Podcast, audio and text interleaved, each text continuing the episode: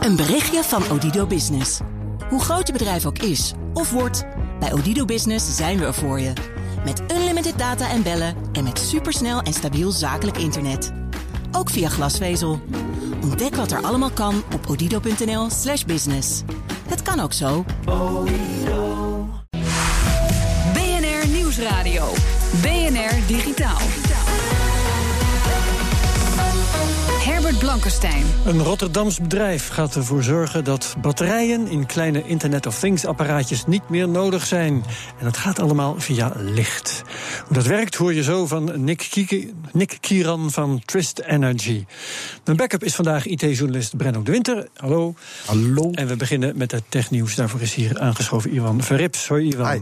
De CEO van Uber, hij heet Travis Kalanick, heeft zijn excuses aangeboden. Want hij was uh, hufterig tegen een van zijn eigen chauffeurs. Ja, laten we dan wel met een compliment beginnen. Hij kiest in ieder geval voor zijn eigen product. Hij heeft geen privéchauffeur. Ja, dat wel. Uh, maar hoe hij dat dan aanpakt is niet helemaal netjes. Uh, het gaat om een incident dat op 5 februari heeft plaatsgevonden. Er zijn beelden van naar buiten gekomen, want die taxis hangen natuurlijk vol met camera's. Ja. um, hij zat toen als passagier in een Uber-auto op de achterbank en had toen deze conversatie met de chauffeur. I lost $97,000 because of you.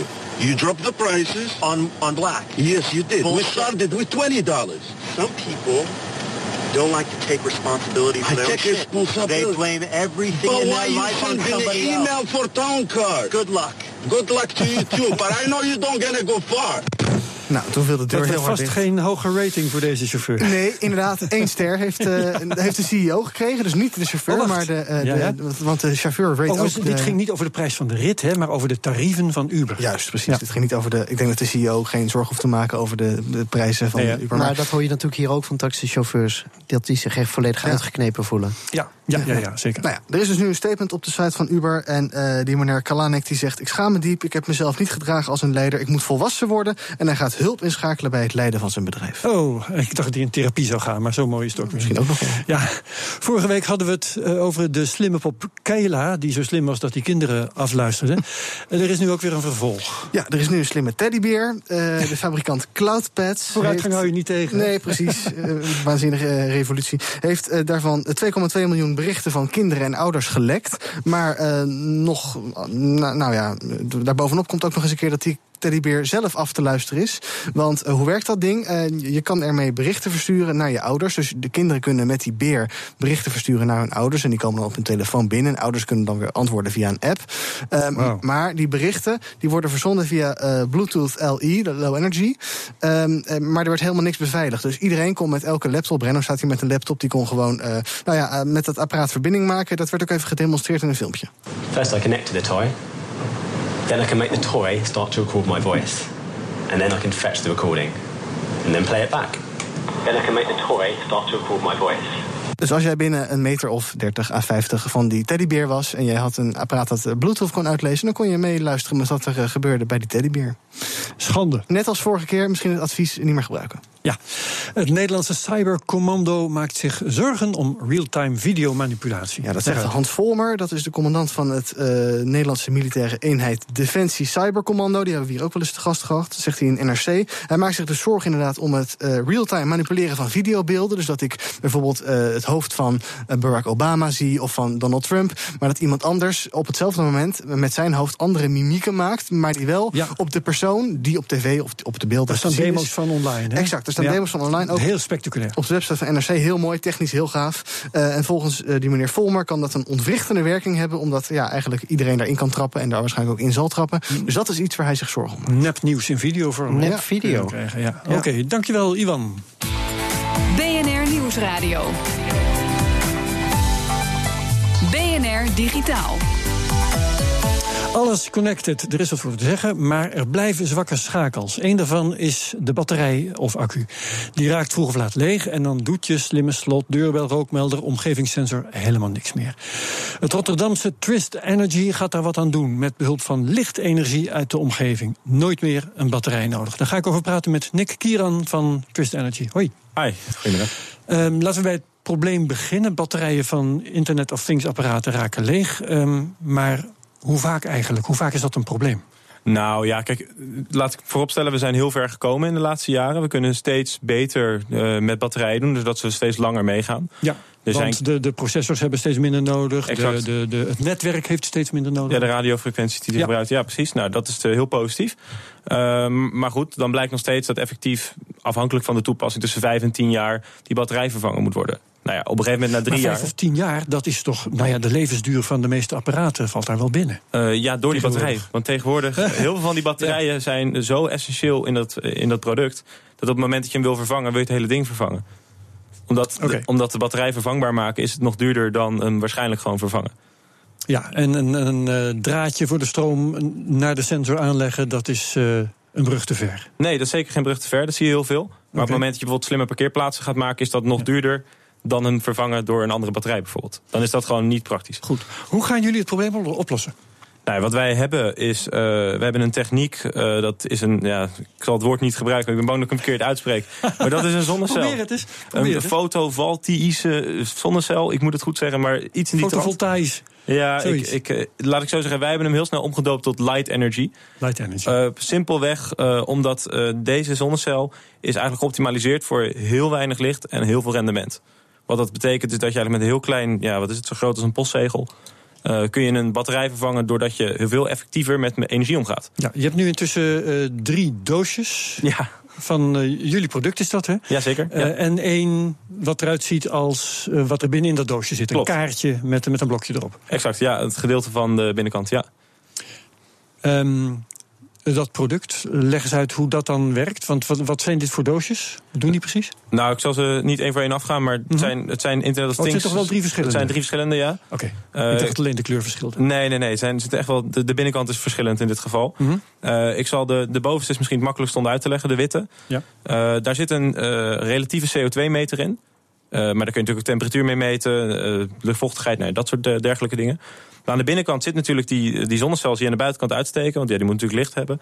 Maar aan de binnenkant zitten dus ook sensoren om te communiceren met het LoRa-netwerk, zoals we dat kennen in Nederland.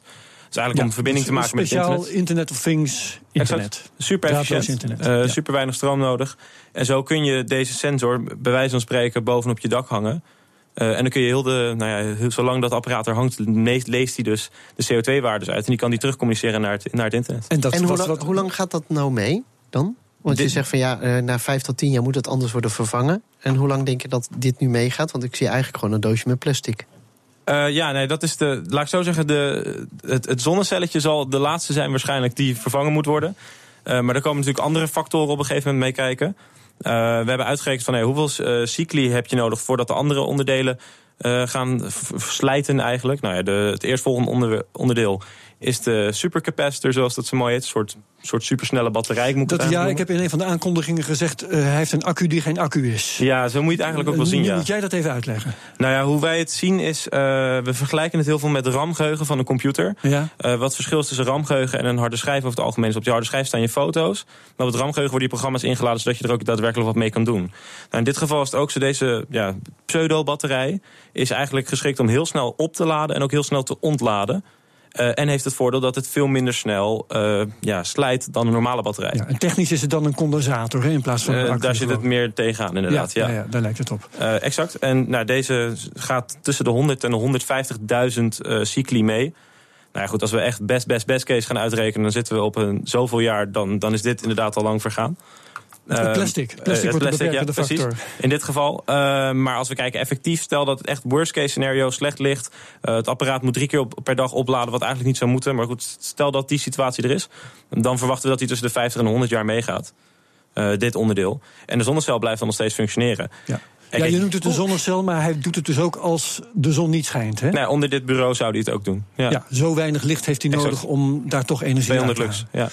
Ja. Ja, maar dan kan ik me voorstellen dat er toch apparaten zijn die eh, daar niet op kunnen draaien. We hebben hier een webcam hangen bijvoorbeeld. Ik Mhm. neem aan dat die dat niet trekt. Nee, nee, dus sterker nog, kijk, wij zeggen, eh, hoe zou het zijn om nooit meer batterij te gebruiken? Daar zit natuurlijk een beetje een charge, het is een beetje gechargeerd.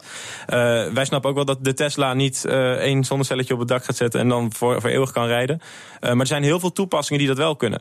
En zeker als we kijken naar hoeveel Internet of Things oplossingen er nu aankomen, zijn daar heel veel van uh, mogelijk op te lossen met dit product. Ja. En zo zien we het ook voor ons. Want maar kijk, het dit... gaat om toepassingen met, met, ja, die gewoon één dingetje meten en Mhm. eens in het uur een paar data versturen. Dus kortom, die heel, heel weinig doen eigenlijk. Ja, eigenlijk de, de, de kleine uh, sensoren die ja, grote toepassingen of kleine toepassingen slim maken. Brenno had de vraag. En, en uh, wat doet dat met de prijs van zo'n apparaat? Wat kost zo'n digitale eeuwigdurende erfpacht? Uh, nou, in dit geval is zijn. Uh, ja, even kijk, ik kan niet de exacte prijs van de losse sensor opnoemen. Want dat, we gaan nu deze losse kastjes gaan we eerst uh, proberen. Maar het doel is om uiteindelijk die, inderdaad dat blokje te verkopen als zijnde een batterijvervanger. Zodat andere bedrijven dat in hun producten kunnen exact, inbouwen. Exact. Ja, ja, ja, ja, het is dus niet. Ja. dit product is eigenlijk. Nou, wat ik vast maar inderdaad. Die, die energiebron, want dat is, jullie, dat is eigenlijk jullie dat, product. Alleen we proberen het nu te verstoppen in een pakketje met een CO2-meter of een bewegingsmeter. Om te laten zien waar het goed voor Om is. mensen te laten kennismaken met deze technologie. Maar wat Ja, maar kost goed, dus uiteindelijk- Maar om vraag te, uh, antwoord te geven op jouw vraag, Brenno. Uh,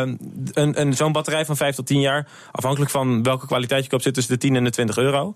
En wij gaan in ieder geval goedkoper zijn dan die, dan die batterij. Maandag beginnen jullie met een Kickstarter. Mhm. um, maar hoe, uh, hoe werkt die, die Kickstarter? Waar is het precies voor? Uh, nou, in dit geval op Kickstarter zitten heel veel, ja, wij noemen het business to geek. Uh, oftewel, wij zien heel veel dat start-ups ja. en slimme ontwikkelaars binnen start-ups op Kickstarter kijken. Ja, die komen daar vandaan. Dus wij denken, uh, als wij dit product in de markt willen zetten, wij kunnen hem nu gewoon aanbieden, want het is klaar. Ik heb het letterlijk hier voor me liggen. Dus je hebt Kickstarter eigenlijk niet nodig? Nee, maar we hebben Kickstarter wel nodig om bij al die slimme mensen te komen die daar wat mee kunnen. Wat uiteindelijk ook het doel is van het product. Oké, okay, dus jullie doen nu een Kickstarter om bedrijven te bereiken die dat ding voor jullie zouden kunnen inbouwen ja, in hun uitvinding. Eigenlijk wel, ja. Het zit ook een soort ideeel doel in dat, dat de batterij, kijk, en alle negatieve en, voor, uh, en positieve dingen daaraan, maar goed, vooral de negatieve dingen kunnen wij oplossen door deze uh, toepassing te maken. Maken we het ook niet voor onszelf alleen. Op wat voor bedrag zetten jullie in bij Kickstarter? Uh, 50.000 euro moet de campagne op gaan leveren. Oké, okay. spannend. Volgende week dan presenteren jullie idee ook nog eens op het South by Southwest Festival. Klopt. In uh, Texas is dat geloof ik, hè? Ja, klopt. Austin. Heel veel succes. Dankjewel, Nick Kieran van Twist Energy. En een opmerkelijke omroep tot, oproep tot samenwerken van een van de grootste techbedrijven ter wereld hoor je zo direct. BNR Nieuwsradio. BNR Digitaal. Technologiebedrijven concurreren elkaar normaal gesproken de tent uit en geven ze ongelijk. Maar als het om cybercrime en veiligheid gaat, dan lijkt er iets te veranderen, zag redacteur Ivan Verrips. Cybercrime loopt volledig uit de hand. Vorig jaar bijvoorbeeld werden er zo'n 2 miljard persoonsgegevens gestolen. What's particularly concerning about this is that in most cases it was months before anyone even reported that these records were stolen. Je hoort Caleb Barlow, de Vice President Threat Intelligence bij IBM Security. Volgens Barlow wordt cybercrime voor een groot deel gepleegd door zeer goed georganiseerde bendes. To date, this represents one of the largest illegal economies in the world, topping out at now get this 445 billion dollars. De organisaties die voor deze criminaliteit verantwoordelijk zijn, lijken net op echte bedrijven. Their employees work Monday through Friday. They take the weekends off. How do we know this? We know this because our security researchers see repeated spikes of malware on a Friday afternoon. The bad guys, after a long weekend with the wife and kids, come back in to see how well things went. Dit probleem aanpakken is makkelijker gezegd dan gedaan. It's not like we're going to be able to identify who's responsible. Remember, they operate with anonymity and outside the reach of the law. We're certainly not going to be able to prosecute the offenders. I would propose that we need a completely new approach. En de nieuwe aanpak komt neer op het veranderen van de economie van de bad guys. En daarin kunnen we leren van de gezondheidszorg bij grote uitbraken als SARS, ebola en Zika. This is a collective and altruistic effort to stop the spread in its tracks and to inform anyone not infected how to protect or inoculate themselves. Echter, in het tegengaan van cybercrime wordt niet zo gewerkt. Bedrijven houden informatie over aanvallen voor zichzelf. Because they're worried about competitive advantage, litigation, or regulation. We need to effectively democratize threat intelligence data. Informatie delen is het belangrijkste. And if you're not sharing, you're actually part of the problem because you're increasing the odds that other people could be impacted by the same attack techniques. IBM is begonnen met het openbaren van 700 terabytes aan data over aanvallen, inclusief informatie over aanvallen die nu plaatsvinden. 4000 organisaties gebruiken de data van IBM en Barlow heeft maar één wens. And our hope as a next step is to get all of those organizations to join us in the fight and do the same thing and share their information on when and how they're being attacked as well. Simply put, we need to be open and collaborative. Thank you. En als je de hele TED-talk van Caleb Barlow van IBM wil zien, hij staat op bnr.nl/slash digitaal. BNR Nieuwsradio. BNR Digitaal. Nog maar twee weken en dan stemmen we alweer voor de nieuwe Tweede Kamer. Deze weken besteden we aandacht aan welke plannen de verschillende politieke partijen hebben als het gaat om technologie en het digitale. Vandaag de gast ChristenUnie-Kamerlid Eppo Bruins, nummer 5 op de kandidatenlijst van die partij. We kennen elkaar al bijna 20 jaar, dus ik zeg hoi Eppo. Hey Herbert, goedemiddag. Hartelijk welkom in de uitzending. Uh, we steken gelijk van wal. Jullie willen dat overal in Nederland snel internet beschikbaar komt voor huishoudens, scholen en bedrijven, staat in het programma. Hier en daar is dat er nog niet, dus is mijn vraag: wie moet dan de aanleg betalen? Ja, um, we hebben dat via een uh, breed aangenomen motie van Arie Slop ooit nog eens een keer door de Kamer gekregen. Uh, snel internet, onder andere voor, uh, voor scholen in heel Nederland. En dat moet betaald worden door, wat mij betreft, de ministeries OCW en EZ.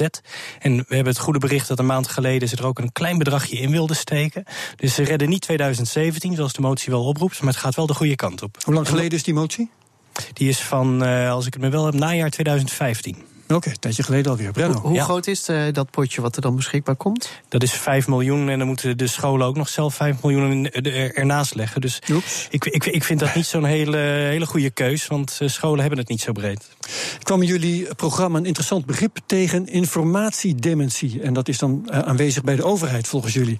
mijn vraag is om te beginnen, wat is dat, informatiedementie?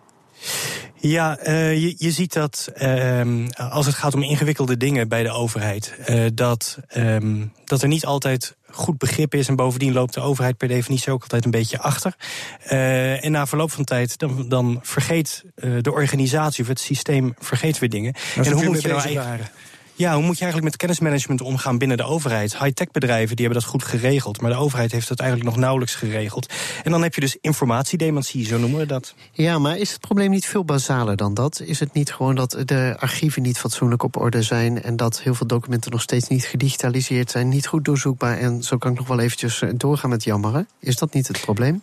Nou, zeker het uh, goed doorzoekbaar krijgen is inderdaad een uh, ingewikkelde. Je hebt daar natuurlijk allerlei mogelijkheden voor. En uh, dat, dat is vaak gebaseerd op individuele initiatieven. Van laten we eens een wiki maken van, van wat we allemaal hebben gedaan. Maar het is nog te weinig structureel aanwezig bij de overheid om, om echt met informatiemanagement aan de slag te gaan.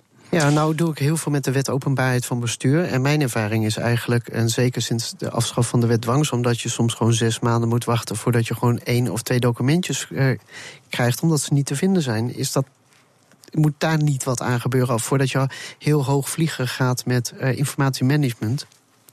Ja, ik, ik weet natuurlijk niet in hoeverre ze iets niet kunnen vinden... of dat, er, uh, dat, dat men het niet wil vinden, dat weet ik niet. We hebben ook het bonnetje van Teven achter de rug... waar we al jaren over praten. Uh, ik denk dat, dat gewoon het gestructureerd bewaren van informatie... en daarin kunnen zoeken... dat dat een verplichting is van iedere moderne organisatie. En wat dat betreft loopt de overheid wel achter. Eppo, ik realiseer me nu tussendoor dat jij staat vijf op de lijst... Ja. Um, volgens mij staat de ChristenUnie niet op vijf zetels in de peilingen. Je zit hier als ICT-specialist. Um, zit dus straks na de verkiezingen de ChristenUnie zonder ICT-specialist in de Kamer? Nee, we staan in de peilingen op 6, uh, 7 zelfs. Dus oh, oké. Okay. Uh, het ziet er best nou, uh, heel gunstig uit. Uitstekend nieuws. Jullie, dat had ik me, had ik me niet gerealiseerd. Um, gaan we verder met de inhoud. Um, jullie willen dat de overheid transparanter is als het om data gaat. Uh, analysemethoden en algoritmen zouden openbaar moeten zijn van de politie en de belasting en dergelijke. Wij vragen ons af. Um, is dat wel handig, want op die manier komt uh, het volk, mogelijke onverlaten, komen informatie te weten over hoe de politie werkt, hoe de Belastingdienst werkt, biedt mogelijkheden voor misbruik. Is dat slim? Nou, we vinden natuurlijk dat je heel erg moet oppassen als het gaat om uh, criminele opsporing. Uh, dat je niet al je methodes prijs geeft. Hè. Dat gaat om fysieke ja. opsporingmethodes, maar ook om digitale opsporingsmethodes. Nou, bijvoorbeeld wanneer en hoe de belasting controleert, ik noem maar wat. Ja, nou, wij vinden dat wel helder moet zijn welke criteria de overheid gebruikt om bepaalde mensen te categoriseren. Bijvoorbeeld, je hoort nu ook wel eens dat bepaalde uh, gegevens zijn gevonden door informatie van gsm-masten te gebruiken. Nou, dat is, wij vinden wel dat, uh, dat in het algemeen die dingen openbaar mogen zijn. Maar het moet natuurlijk niet zo ver gaan dat je alles moet openbaren waarmee je je modus operandi zou moeten prijsgeven. Dus waar het hier om gaat, wat ons betreft, is dat als het gaat om dat van privacy en, uh, en, en, veiligheid. Uh, de, de, overheid moet altijd doelgericht, specifiek en onder toezicht. Uh, opereren. en niet zomaar hele grote bakken data doorzoeken zonder dat ze een specifieke zoekdoel hebben. Oké, okay. um, jullie willen cybersecurity firma's fiscaal gaan stimuleren. Waarom speciaal dat soort bedrijven?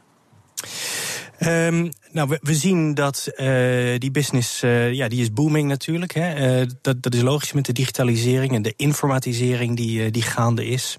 Um, en cybersecurity is ook gewoon cruciaal voor enerzijds onze veiligheid, maar anderzijds, en daar denken minder mensen aan, voor het steeds slimmer krijgen van, van onze maakindustrie. Hè. Er is een initiatief dat heet Smart Industry, ja. waarbij je klanten echt op maat kunt bedienen precies op tijd kunt bedienen. En dat je echt low volume, hele complexe producten kunt, uh, kunt produceren. En ook daar is cybersecurity cruciaal om op een veilige manier zaken te kunnen doen. Dus het is belangrijk voor onze economie. om dat is, toch een, heel, dat is toch wel een hele um, goed draaiende industrie. Dus is het niet wel raar? Het, het probleem in de cybersecurity-industrie is hoe vinden we goede mensen en, en uh, ja, dat is eigenlijk vooral het grootste probleem. Bovendien zouden allerlei bedrijven dan kunnen zeggen: Oh, wat wij doen is eigenlijk security en bovendien zijn we een start-up. Ja. Is dat ja, niet heel kwetsbaar? Nou, laat ik beginnen om te zeggen, natuurlijk is het grootste probleem het vinden van goede mensen. We hebben een extreem tekort aan techneuten. Zo'n 70.000 alleen al op mbo-niveau en dan ook nog op, op, op hoger niveau. Um, startups in cybersecurity, we zien dat we in Nederland er eigenlijk relatief weinig hebben. Er zijn veel startups in het buitenland. En ik denk dat cybersecurity een, een stuk kennis is wat je in je eigen economie, in je eigen land aanwezig moet hebben. Je wil niet afhankelijk zijn van buitenlandse bedrijven. Je wil ze ook dichtbij hebben en een vertrouwensbasis kunnen, kunnen kweken met ze. Daarom willen wij specifiek aandacht voor de cybersecurity startups en dan ook de fiscale stimulering daarvan uh, heel duidelijk zichtbaar maken in de overheidsbegroting. Ik wil nog even over privacy hebben. Um, jullie hebben daar uh, mooie woorden over in het verkiezingsprogramma. De behoefte is inherent aan het mens zijn. Privacy is waardevol, verdient in digitale tijdperk onze bescherming. Uh, ben je nog wel onschuldig tot het tegendeel is bewezen als je wordt gecontroleerd, omdat je in een bepaald risicoprofiel valt? Allemaal van dat soort dingen staan in het programma. Maar intussen hebben jullie wel voor die sleepnetwet gestemd, de wet op de inlichtingen en veiligheidsdiensten. Hoe kan ik dat met elkaar rijmen? Ja. ja, wij op het gebied van veiligheid en privacy um, merken wij dat we als politieke partij bij iedere stemming een, een nieuwe afweging moeten maken tussen veiligheidsaspecten en privacy-aspecten. En uh, ik zei al, het moet doelgericht, specifiek, onder, onder toezicht staan. En die sleepnetwetgeving, dat was best wel een ingewikkelde hoor. Dat was voor ons ook wel een dilemma. Die zat voor ons op, op het randje. Hmm. Uh, maar hier hebben we toch het veiligheidsaspect en wat nodig is om de, om de diensten goed te laten functioneren en onze veiligheid te garanderen, hebben we toch die sleepwet, sleepnetwetgeving uiteindelijk na heel lang denken en dubben uh, toch voorgestemd inderdaad. Maar het is iedere keer weer een dilemma op dat grensvlak. Oké, okay, een worsteling, zullen we maar zeggen. Dat is Dank. het zeker. Ja, ChristenUnie Kamerlid. Eppo Bruins, veel succes met uh, de campagne. Tot Dankjewel, Herbert. Ja, tot zover BNR Digitaal. Voor nu, Brenno de Winter was mijn backup. Hartelijk dank. En de uitzending terugluisteren, dat is mogelijk via de BNR-app... op bnr.nl slash digitaal, via de podcast en ook op Spotify. Graag tot volgende week. Een berichtje van Odido Business. Hoe groot je bedrijf ook is of wordt, bij Odido Business zijn we er voor je. Met unlimited data en bellen en met supersnel en stabiel zakelijk internet. Ook via glasvezel. Ontdek wat er allemaal kan op odido.nl/slash business. Het kan ook zo.